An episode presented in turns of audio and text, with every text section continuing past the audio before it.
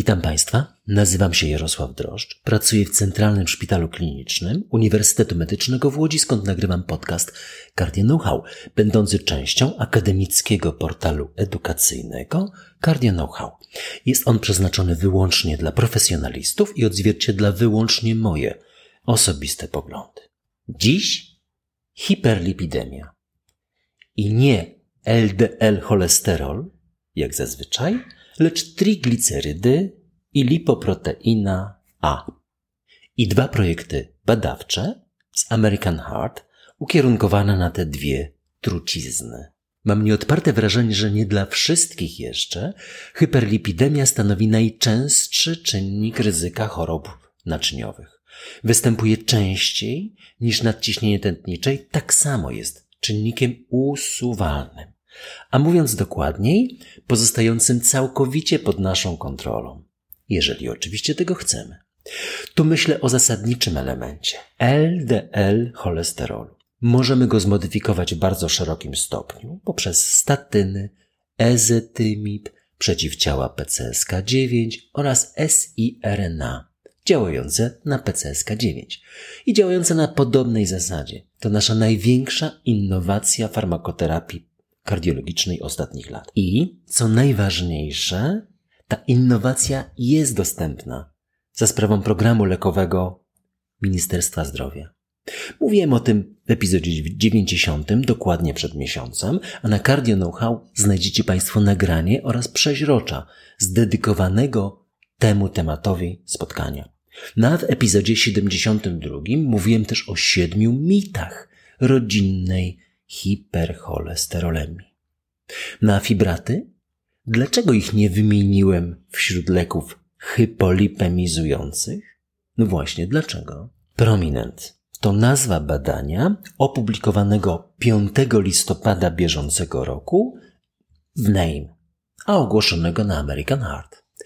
Na początek, jak działają fibraty?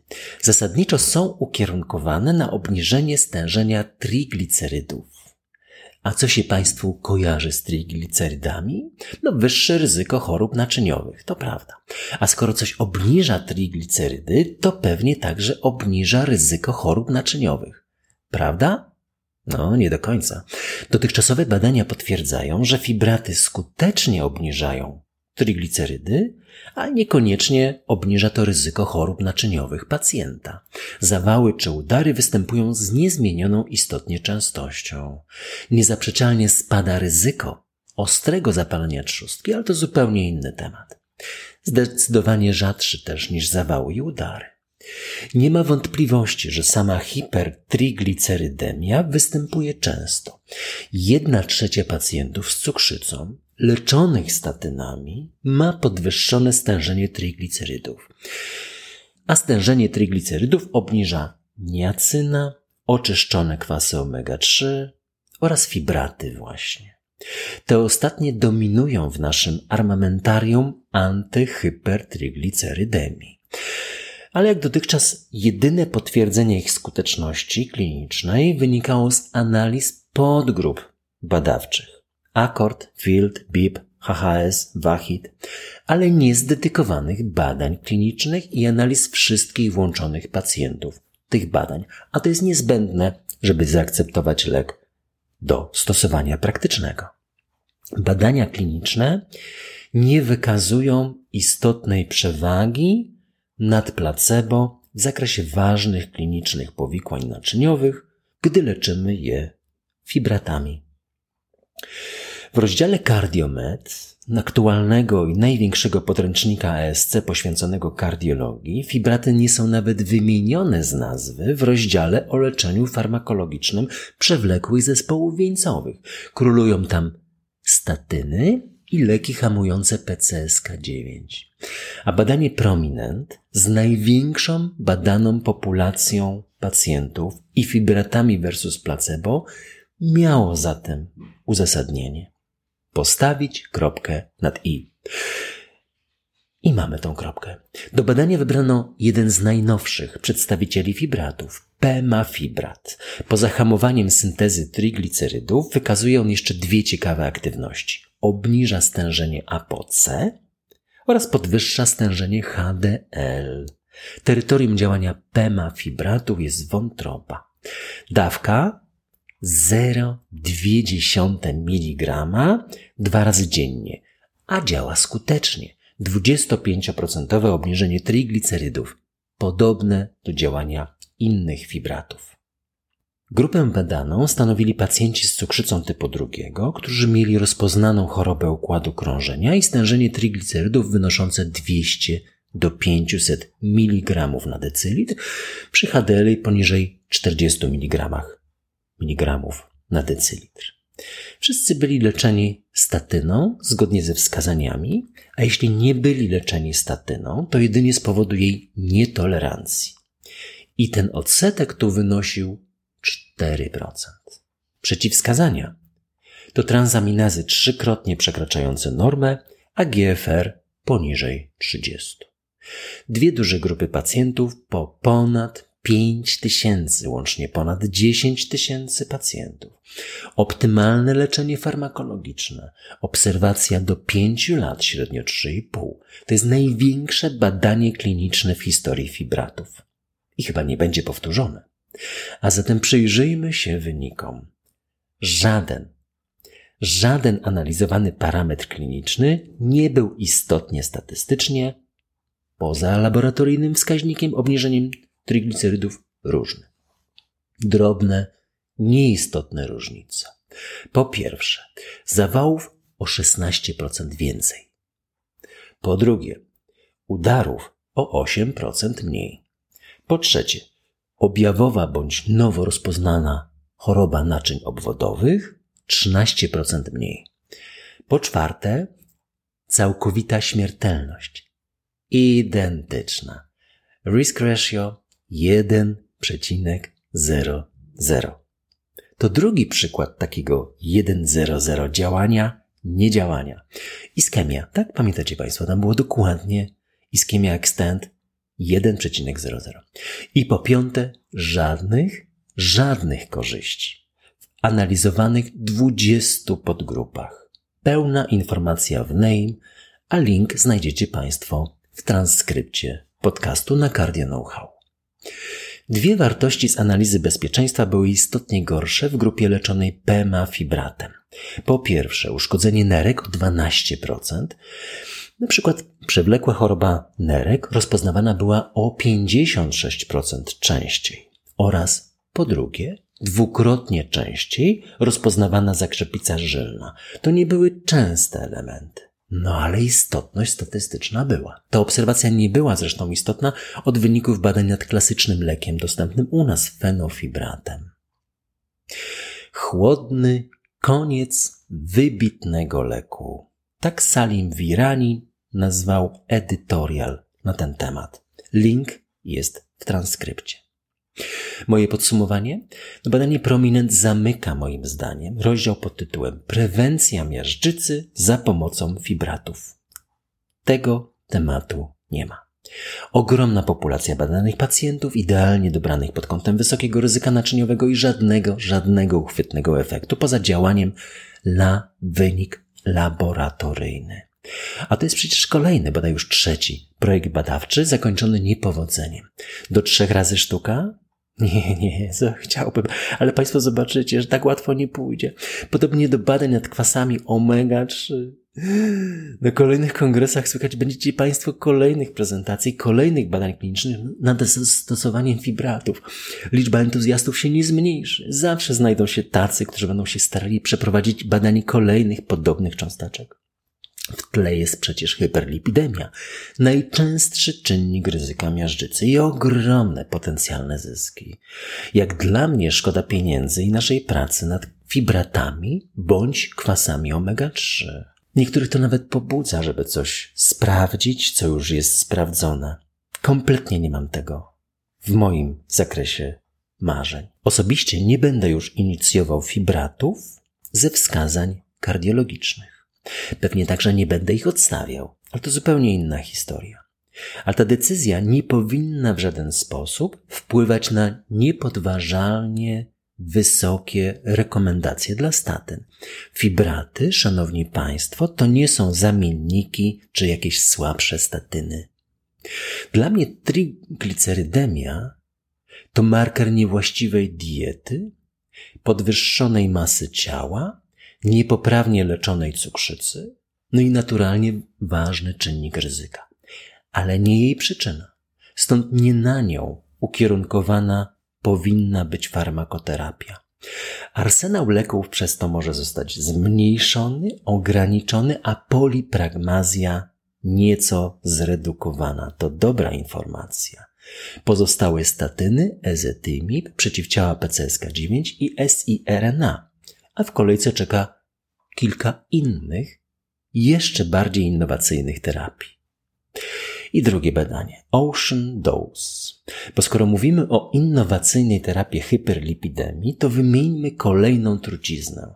Lipoproteina A. I kolejne wprowadzenie. Lipoproteina A to połączenie estrów cholesterolu zbliżonego do LDL, trójglicerydów oraz białka apolipoproteiny A. Tworzy się w wątrobie, występuje we krwi i jest niezwykle silnie związana z chorobami naczyniowymi. Jej stężenie waha się od bliskich zera wartości do 400 nanomoli na litr. Większość z nas ma stężenia nieprzekraczające 30 i taka jest dokładnie granica wartości uznanych za prawidłowe. Powyżej tej wartości to już jest istotnie podwyższone ryzyko zawału i udaru. A to stężenie zwiększa ryzyko zawału udaru niemal liniowo, począwszy od niskich wartości. Co piąty z nas ma stężenie powyżej 150. Zdecydowana większość nie wie, jakie ma stężenie LPA. Wiecie Państwo? Bo ja nie wiem. To stężenie powyżej 150 jest uznawane za bardzo silny czynnik ryzyka zawału i udaru mózgu. Zasada im niżej, tym lepiej, także tu obowiązuje. I co ważne, jest niezależnym czynnikiem ryzyka. Multiplikuje się z działaniem reszty znanych szerzej czynników ryzyka powikłań naczyniowych. Cieszy fakt, że jej stężenie nie zmienia się w ciągu życia i wystarczy ją zbadać raz. Smuci fakt, że jej stężenie nie zmienia się w ciągu życia, włączając w to klasyczną farmakoterapię. No po co zatem ją badać? Ciekawość to dla mnie marny powód do wydawania publicznych pieniędzy. Koszt 50-100 zł. Dotychczas miałem, jak Państwo wiecie, lepszy pomysł na taką kwotę. Jaki? Na przykład dwie powieści z mojej listy polecanych lektur. Niektórzy mówią, że warto znać stężenie lipoproteiny A, gdy rozważamy klasyczną farmakoterapię statynami. Nie zmieniamy wprawdzie jej stężenia, ale obniżamy ryzyko zawału poprzez wpływ na inne, znane i podlegające już farmakoterapii lipidy LDL cholesterol. Inni wskazują na znaczenie stymulujące do eliminacji czynników ryzyka. Zastanawiałem się trochę nad tym, ale nie znalazłem powodu, by przeprowadzić badanie u siebie. Nie znam mojego stężenia. LPA. Rzadko miewam też rozterki, kogo z moich chorych leczyć statynami. A czynniki ryzyka tak intensywnie zwalczam, że gdybym miał to robić jeszcze bardziej intensywnie, to mógłbym pójść do więzienia. No jak zatem obniżać LPA? Cytuję stronę Uniwersyteckiego Centrum Klinicznego Gdańskiego Uniwersytetu Medycznego z datą 2021. Wysokie stężenie lipoproteiny A u osób z chorobami układu sercowo-naczyniowego leczy się za pomocą zabiegu aferezy. W Uniwersyteckim Centrum Klinicznym metodę tą stosuje się od 2013 roku, a Gdański Szpital to najbardziej doświadczona jednostka w kraju w leczeniu pacjentów aferezą i jedyna, gdzie przeprowadza się ją na oddziale kardiologicznym. Kilka miesięcy temu zupełnie przypadkowo dowiedziałem się o dwóch rewolucyjnych moim zdaniem elementach związanych z LPA przepytałem moich kolegów profesorów i nie wiedzieli. Po pierwsze, inhibitory PCSK9 obniżają stężenie LPA. Po drugie, gdy jest podwyższona lipoproteina A, to identyfikuje dobrze tę populację odnoszącą szczególne korzyści z inhibitorów PCSK9. Interesujące, ale nadal lipoproteina A nie zogniskowała mojej uwagi na tyle, abym się nią zainteresował. I tak podawanie inhibitorów PCSK9 przeciwciał bądź siRNA poza programem lekowym to fikcja, a jeśli ktoś kwalifikuje się do programu lekowego, to powinien mieć podane przeciwciała bądź siRNA niezależnie od stężenia LPA. Prawda? Aż tu nadszedł 6 listopada bieżącego roku. Podczas ostatniego kongresu American Heart mam pierwsze duże badanie cząsteczki, która jest ukierunkowana na LPA i skutecznie obniża jej stężenie. Olpasiran. I to kolejny przykład, jak można nazwać ładnie domowe zwierzę w sposób jednocześnie ładny, super, i jednocześnie absolutnie niepowtarzalny. Pamiętacie Państwo Asundexian, epizod 64, a Milvexian, epizod 85? Kojarzył mi się wówczas z zaklęciem. Olpasiran, no gdybym chociaż miał kotka. Olpasiran to dla mnie taka nazwa na domów e, zwierzę. Olpasiran, bądź grzeczny dzisiaj proszę. Olpasiran, idziemy na spacer. Olpasiran, nie kojarzy się Państwu z niczym? A Inclisiran? A Sirany?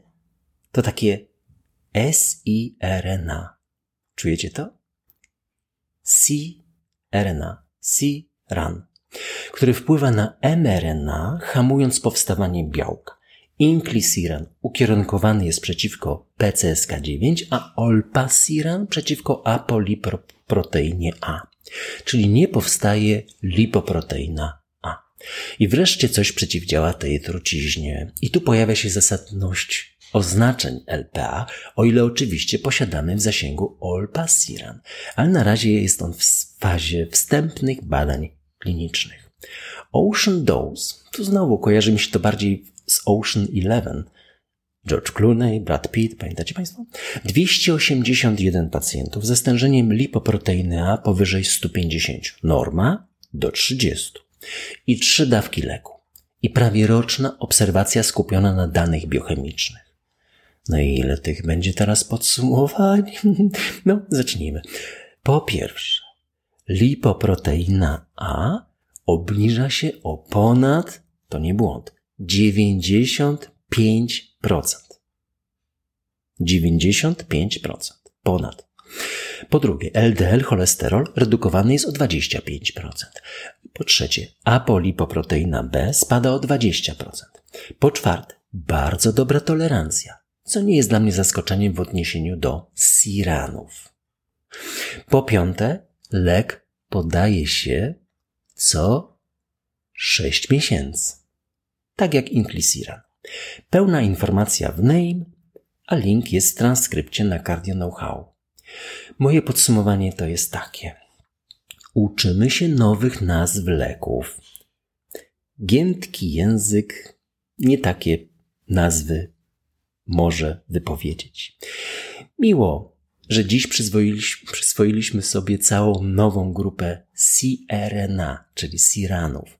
To nic, że moja autokorekta zamienia mi to słowo na firany.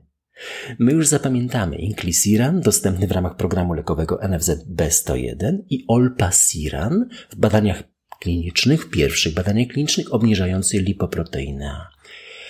Po drugie, to nowy cel terapii. Bardzo obiecujący. Wyobraźcie sobie Państwo świat, w którym podając lek co 6 miesięcy uzyskamy obniżenie ryzyka powikłań naczyniowych o kilkadziesiąt procent. Bo ja już to widzę. Już to mamy w odniesieniu do PCSK9, a za rogiem LPA. Nigdy. Ken Follett. No dopiero zacząłem, opowiem Państwu za tydzień, jak dokończę. No fajne. Ale po Shaggy Bane o której mówiłem w ubiegłym tygodniu, to nie idzie nic łatwo. Co ma literki. Bo to, to nie, nie ta sama kategoria wagowa. O, taka rozróżniająca lektura o współczesnej polityce. 2021, jakaś wojna nuklearna. Kto by się tam takimi rzeczami zajmował? Shaggy Bane to samo życie, samo gęste. Anatomia i fizjologia i z dopiskiem pato. Hmm? Nigdy nie czytałem czegoś podobnego do Shaggy Bane. Jeszcze się budzę. Doszły mnie słuchy, że Douglas Stewart skończył kolejną powieść. Mieszka dziś w Nowym Jorku. Urodził się w Glasgow, ale wydaje w brytyjskim wydawnictwie Picador. Lista jego nagród po otrzymaniu Bookera za Shaggy Bane w 2020 roku wydłużyła się do siedmiu pozycji. W pełni zasłużonych. Powieść jest niezwykła. Niebawem będzie tłumaczenie nowej. No i kolejna niezwykła okazja do rzadko pobudzanych strun naszej psychiki. No popatrzcie Państwo jeszcze na koniec na zdjęcie. Jest link w transkrypcie, ale douglasstewart.com. A może posłuchajcie jego samego. Jeśli Państwo będziecie mieli jakieś uwagi, komentarze, pytania, to kierujcie na media społecznościowe Cartier Know-how. Będę też Państwu bardzo wdzięczny za promocję podcastów wśród lekarzy i komentarz. O, jaki dostałem komentarz. Z samej góry. I nawet nie dotyczący warstwy dźwiękowej, tylko intelektualnej. Nie wiem skąd, ale miło. Chociaż w moim wieku już się nie reaguje na takie rzeczy. One tylko pobudzają takie komentarze mnie do jeszcze cięższej pracy.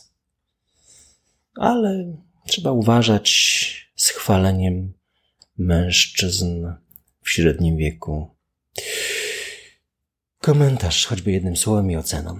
Slawa Ukrainie.